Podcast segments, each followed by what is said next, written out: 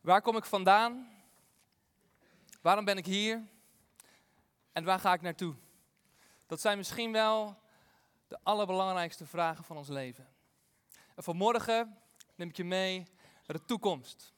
Naar het slot en de climax van de Bijbel. Want aan het slot van de Bijbel wordt ons duidelijk niet alleen wat onze toekomst is, waar het allemaal op uit zal lopen, maar ook waarom we er vandaan komen en wat dat te maken heeft met jouw leven hier vandaag. Het laatste boek van de Bijbel heet Openbaring. En dat betekent letterlijk onthulling. Alsof je het gordijn wegschuift en het prachtige grotere plaatje ziet.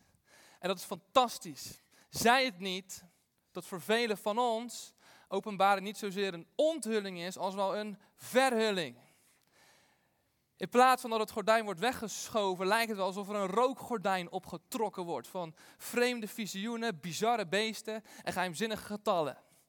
En heb je ook nog eens een keer al die discussies erover en al die mensen die er s'nachts niet van kunnen, kunnen slapen. En dus zeggen we, joh, laat maar zitten met dat laatste Bijbelboek. Te vreemd, te bizar, ik kom er toch niet uit.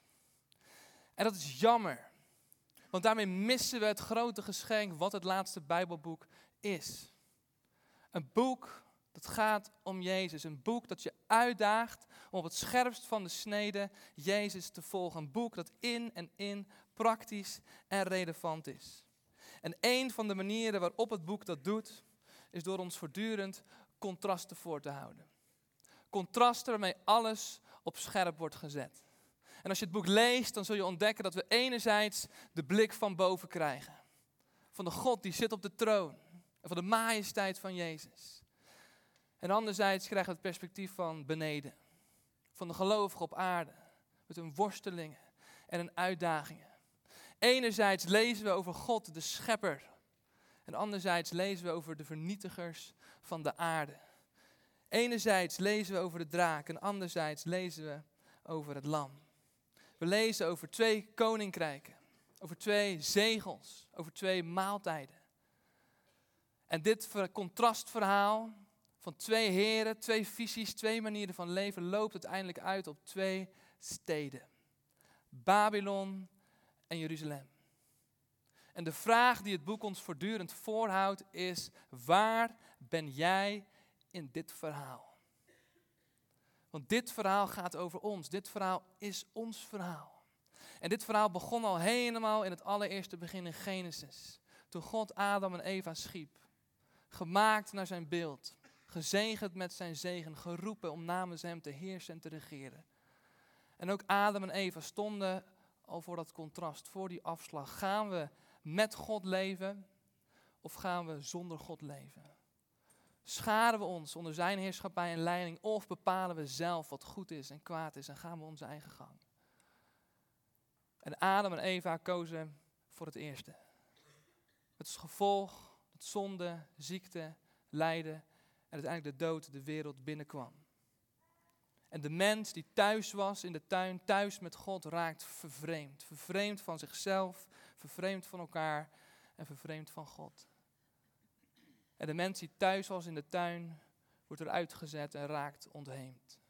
Dolend en dwalend, zoekend en zuchtend, verlangend naar veiligheid. In een onveilige wereld die niet langer voelt als thuis. En een van de eerste dingen die de kwetsbare en ontheemde mens doet, is steden bouwen. Is gebied afbakenen.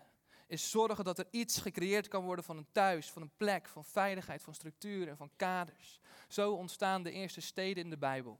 En in Genesis 11 neemt deze stedenbouw megalomane vormen aan wanneer er één grote superstad gebouwd wordt. Namelijk Babel. En weet je wat de grote drijfveer is achter die stad? Lezen we Genesis 11. Laten we een naam voor onszelf maken. Laten we een toren bouwen die tot aan de hemel reikt. Laten we onsterfelijk worden. Want als alles hier kapot is, als alles hier stuk is, laten we dan zelf maar de hemel op aarde creëren. Laten we dan zelf maar voor God spelen. Dit is altijd ons verhaal geweest.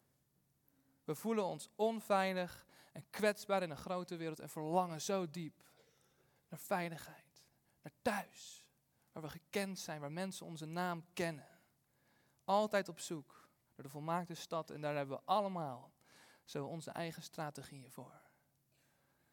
Sommige ouderen zitten hier vanmorgen En je hebt je hele leven gebouwd. En het bouwwerk van je leven staat. Je hebt je schaapjes op het droge, je pensioen is geregeld. Je hebt je leven onder controle en toch is je bouwwerk kwetsbaar. Als je kijkt naar je gezondheid, of de dingen die er misschien spelen in de levens van je kleinkinderen. Sommige jongeren hier vandaag, je hebt allerlei grootse wilde bouwplannen. Ik ga studeren, dan ga ik geld verdienen, dan ga ik deze baan hebben. En als ik dan dit en dit en dit, dan zal ik een naam voor mezelf maken. Dan zal ik iemand zijn. Dan zal ik een thuis creëren voor mezelf. Als dat tenminste al lukt. Want meer en meer jongeren vallen van de bouwwedstrijd in het leven van de wagen. En zijn gecrashed. Misschien zit je hier vandaag en is jouw bouwwerk in elkaar gestort. En zit je met de brokstukken en de puinstukken om je heen. En voel je opgejaagd, onbeschut en onveilig. Allemaal, hoe we hier ook zitten vanmorgen, zijn we zoekende mensen, verlangend naar betekenis en zekerheid. Is het niet in ons werk, dan wel in ons gezin, dan wel in de mening van anderen? Vul maar in. Iedereen van ons verlangt naar de volmaakte stad, waar het verhaal van de Bijbel is. Dat telkens wanneer wij proberen om de hemel op aarde te creëren, dat onze pogingen altijd vastlopen. Dat we de top van het leven misschien wel bereiken, maar dan ontdekken dat daar niks te vinden is. Want deze realiteit blijft ons maar achtervolgen. Ons beste bouwen blijft aangetast door de zonde. Onze mooiste dromen ontglippen ons uiteindelijk. En ons beste kunnen is heel vaak niet genoeg. En sterker nog, het verhaal van de Bijbel laat zien dat wanneer wij proberen de hemel op aarde te creëren, wanneer wij onze steden bouwen die altijd vroeg of laat uitlopen op steden en systemen van schaarste en onrecht en competitie. Van geweld, van winnaars en verliezers. We zien het in de torenbouw in Genesis, we zien het in het Egypte van het Exodus-verhaal. We zien het in Assyrië, in Nineveh. De eerste lezers van het Bijbelboek Openbaring zagen het in de grote stad Rome. En vandaag zien we het nog steeds. Als we kijken naar de toeslagenaffaire. Als we kijken naar het WK. En de voetbal gespeeld wordt op de graven van migranten. We zien het dicht bij huis als je in de spiegel kijkt. En die schaarste mentaliteit over je heen kruipt. En je stiekem van binnen denkt, dat wat een ander toevalt, wordt mij afgenomen. En wanneer we ons suf shoppen op Black Friday. En de makers van onze kleding nog steeds minder betaald krijgen. En openbaring trekt het gordijn weg van de stad die wij met elkaar gebouwd hebben. En in Openbaring 17 lezen we deze woorden. Een van de zeven engelen met de offerschalen kwam op me af en zei: Ik wil je de grote hoer laten zien. Ik raakte in vervoering en dan nam me mee naar de woestijn en ik zag een vrouw zitten. En dan ziet Johannes Babylon, een figuurlijke naam voor de stad Rome van de eerste eeuw. Een verleidelijke, imponerende stad een van de eerste miljoenen steden uit de geschiedenis. Een stad die van alles belooft, een zuigende aantrekkingskracht heeft. Maar je uiteindelijk berooid en leeg achterlaat. En kijk maar eens welke omschrijvingen deze stad krijgt. Het is een stad wiens zonde tot aan de hemel reiken. Een stad vol kitscherige welvaart van gouden sieraden, edelstenen, parels. Een stad die de volken op aarde onderdrukt. Een woonplaats voor demonen en onreine geesten. En even wat achtergrond. Het Rome van de eerste eeuw was zo groot dat het hele Middellandse zeegebied ervoor nodig was om deze stad te bevoorraden. Overal kwamen schepen aangevaren met de rijkste specerijen, goederen van landen en volken die helemaal leeg geplukt werden.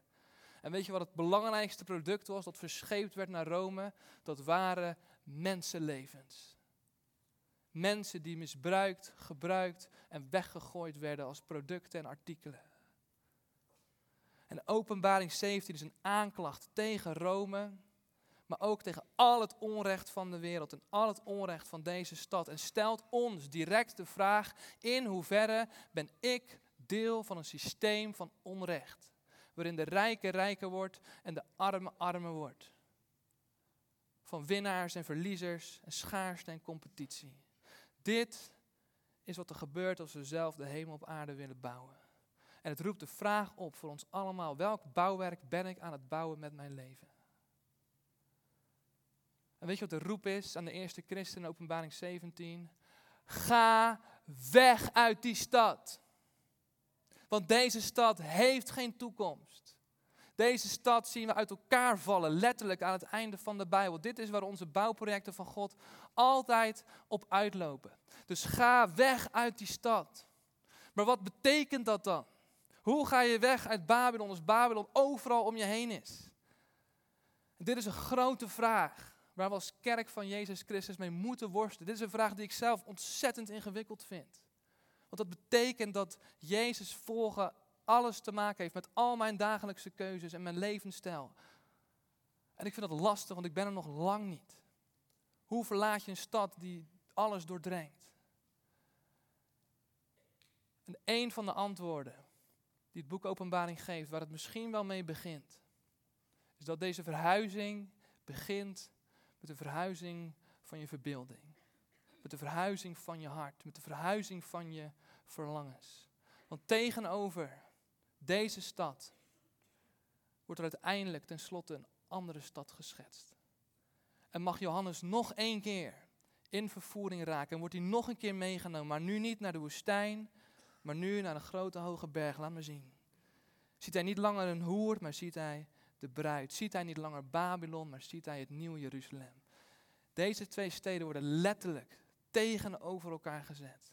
Ze krijgen dezelfde inleidingswoorden en ook de afsluiting is hetzelfde. En ook het karakter van de steden is precies diametraal tegenovergesteld. Want Babylon zonder rijken tot aan de hemel. En het nieuwe Jeruzalem daalt neer vanuit de hemel. In Babylon zien we goud, edelstenen, parels als een beeld van de oneindige consumptiemaatschappij. In het nieuwe Jeruzalem zijn de poorten van parels en de straten van goud. Het is gewoon bouwmateriaal. Als beeld van de glorie van God.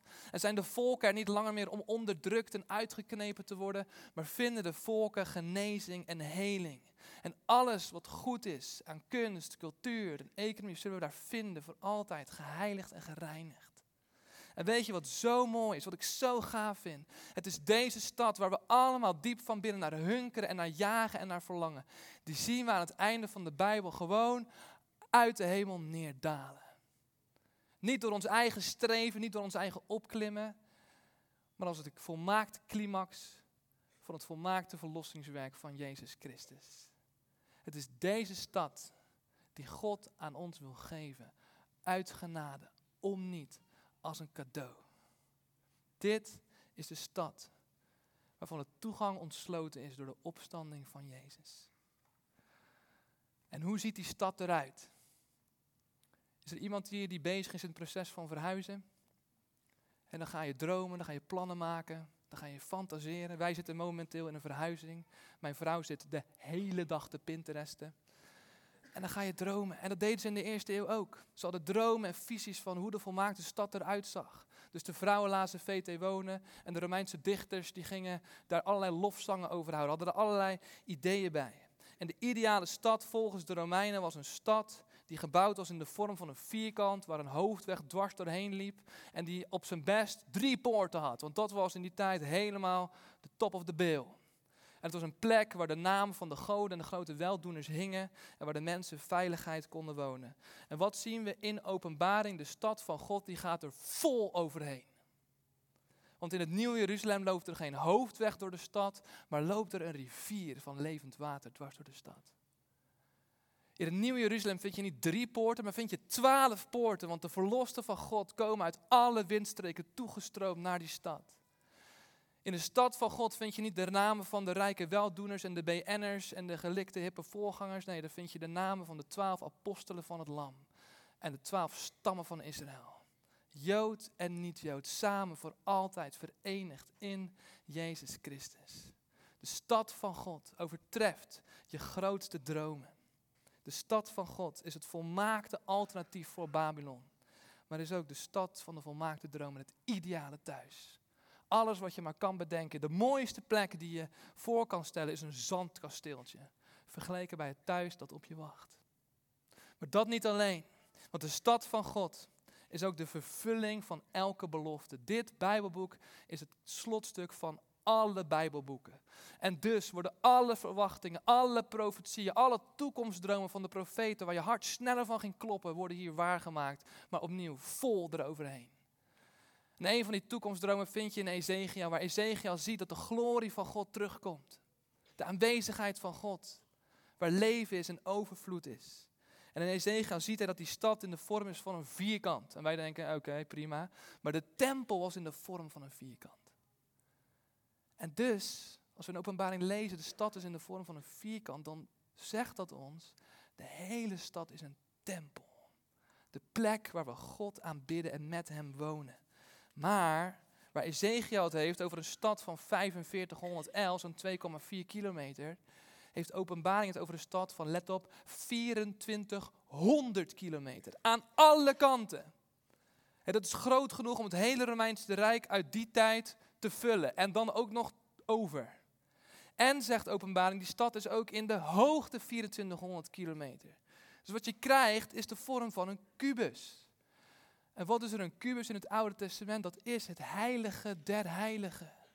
Met andere woorden, openbaring laat ons zien dat de stad van God is een nieuw heilige der heiligen. Helemaal doordrongen met de volmaakte aanwezigheid en heerlijkheid en glorie van God. Begint het al een beetje te tollen hierboven? Sommige mensen denken, oké, ik, haak een beetje af. Nou, dat is precies de bedoeling. Dat het boven, je pet te boven gaat als het ware. Als het ware. Zo mooi is dit.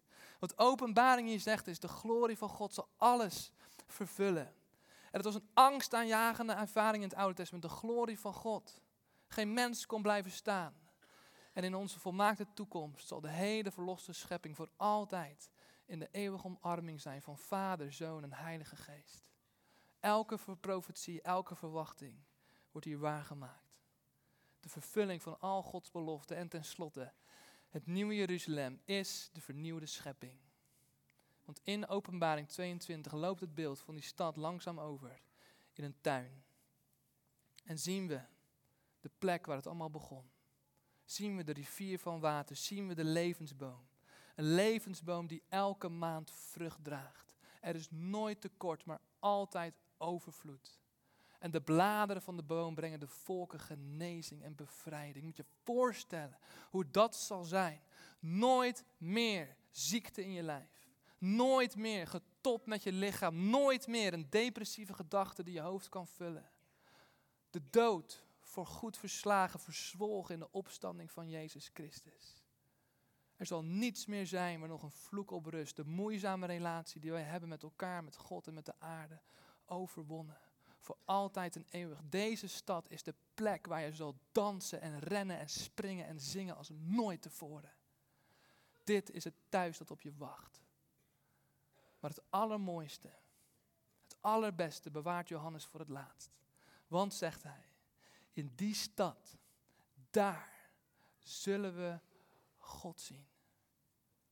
Van aangezicht tot aangezicht. Niet van een afstandje, niet bezwijkend onder zijn glorie, maar voor eeuwig in de armen van Jezus, waar al het andere weg zal vallen.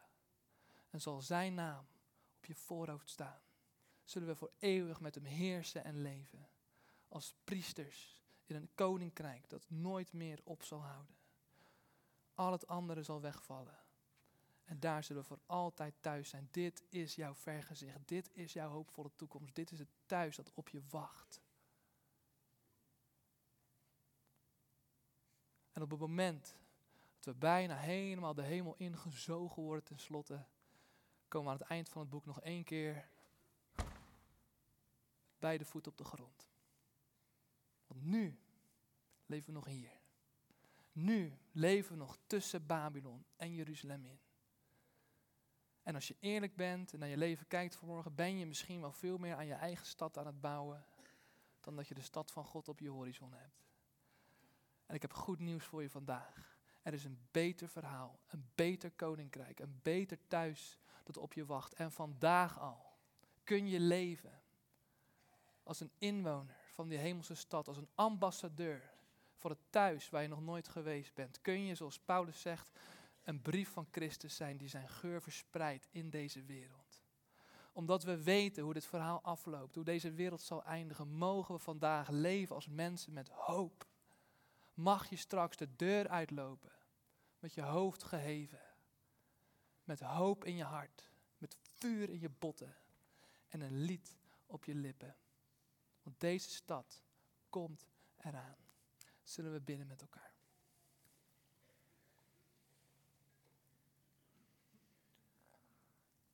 Vader, dank u wel dat u het bent die ons wil geven uit genade, daar waar we zo diep naar verlangen.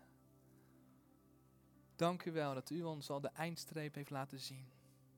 Dat u vandaag tegen ons zegt, hou vol. Ik ben met je. Hou vol, er is een thuis dat op je wacht, dat ik voor je gereed heb gemaakt.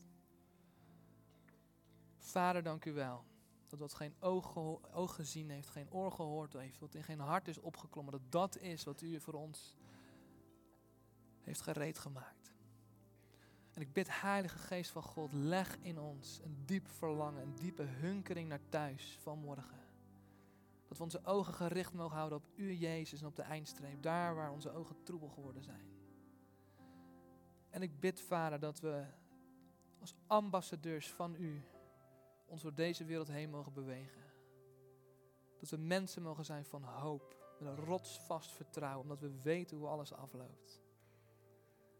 Vader, geef dat we mensen mogen zijn die kleur brengen, die zegen brengen, die heling brengen in onze omgeving, omdat U een God bent van kleur en heling en zegen. En daar wil ik je mee zegenen vandaag. Dat dit visioen, dit vooruitzicht je mag troosten, je mag aanvuren, je heling en genezing mag brengen. In Jezus' naam.